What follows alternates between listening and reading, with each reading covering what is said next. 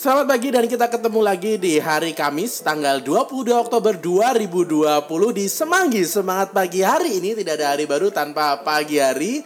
Pagi hari ini kita kembali lagi bertemu untuk menemani Anda yang memulai hari ini dengan segala macam semangat yang baru untuk memulai hari dalam pekerjaan, tanggung jawab dan segala hal baru yang akan dilakukan sepanjang pagi hari ini sampai dengan nanti malam.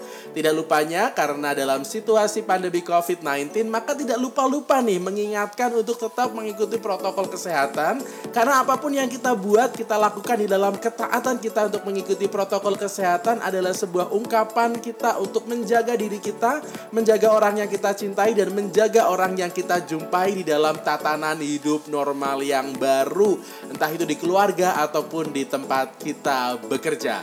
Hari ini inspirasi akan kita cari dari Injil Lukas bab 12 ayat 49 sampai dengan 53. Jadi untuk Anda semua yang pengen baca secara keseluruhan secara pribadi bacaan Injil hari ini Anda bisa pause suara saya lalu baca dari kitab suci Anda atau juga dari handphone lalu nanti kita kembali untuk mencari inspirasi untuk sepanjang hari ini. Iya, hari ini dari Injil Lukas bab 12 ayat 49 sampai dengan 53 seolah-olah Yesus itu mencoba untuk mengingatkan para murid bahwa kehadirannya Yesus di tengah dunia itu bukan untuk menghasilkan atau mendatangkan kedamaian. Dia mengatakan kepada para murid bahwa aku datang membawa perpecahan karena di dalam rumah akan ada tiga melawan dua dan dua melawan tiga mereka akan saling bertentangan, bapak melawan putrinya dan putri melawan bapaknya dan seterusnya. Seolah-olah kata-kata ini mengajak kita untuk menjadikan Yesus itu begitu jahat gitu ya karena dia datang untuk bikin orang itu bermusuhan apalagi ini dalam satu keluarga gitu. Rasa-rasanya bukan itu tujuan Yesus mengatakan atau menyampaikan sabdanya hari ini, tapi Yesus sepertinya ingin mengingatkan kepada kita bahwa di saat kita beriman, di saat kita menghayati iman kita di dalam kekatolikan kita, kita akan menemukan banyak sekali tantangan, akan menemukan banyak sekali batu sandungan yang menjadi warna di dalam kita menghayati iman pertentangan dan permusuhan di dalam keluarga waktu itu mungkin menjadi sesuatu yang begitu menakutkan. Maka kita diajak di saat kita menjadi seorang Katolik, di saat kita menghayati sebagai seorang beriman, kita akan menemukan sebuah tantangan yang mungkin nantinya akan begitu besar dan begitu berpengaruh di dalam hidup kita. Sampai-sampai mungkin membuat kita bertanya-tanya Tuhan sebetulnya mau apa? Tuhan sebetulnya aku ini harus ke mana. Tapi justru di dalam situasi ini Tuhan itu ingin mengajak kita untuk beriman secara dewasa.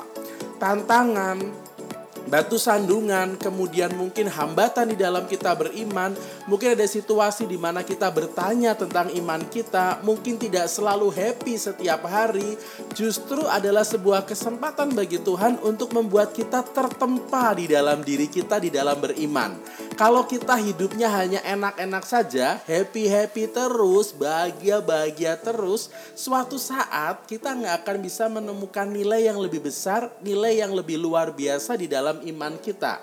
Maka hari ini sebetulnya Tuhan Yesus mengajak kita untuk menyadari bahwa tantangan, bahwa hambatan, bahwa batu-batu kerikil dan batu besar di dalam perjalanan iman kita di dalam hidup kita adalah bertujuan untuk membuat kita semakin dewasa, entah itu secara kepribadian ataupun juga secara beriman. Supaya suatu saat nanti kita ditemui Tuhan, ditemukan Tuhan menjadi pribadi yang hebat, yang luar biasa, yang punya nilai di dalam iman bukan nilai yang lembek, tapi kita lalu menemukan iman itu justru dari perjuangan dan juga kesetiaan. Maka hari ini yang punya tantangan dan punya batu sandungannya sendiri, mari kita setia untuk menghadapi itu. Kalau ada tantangan jangan lalu kita menghindar dan meninggalkannya, tapi kita menghadapi tantangan itu lalu memecahkan tantangan itu supaya nantinya kita juga bisa menjadi pribadi yang dewasa, pribadi yang penuh iman karena kita mampu menghadapi tantangan yang ada.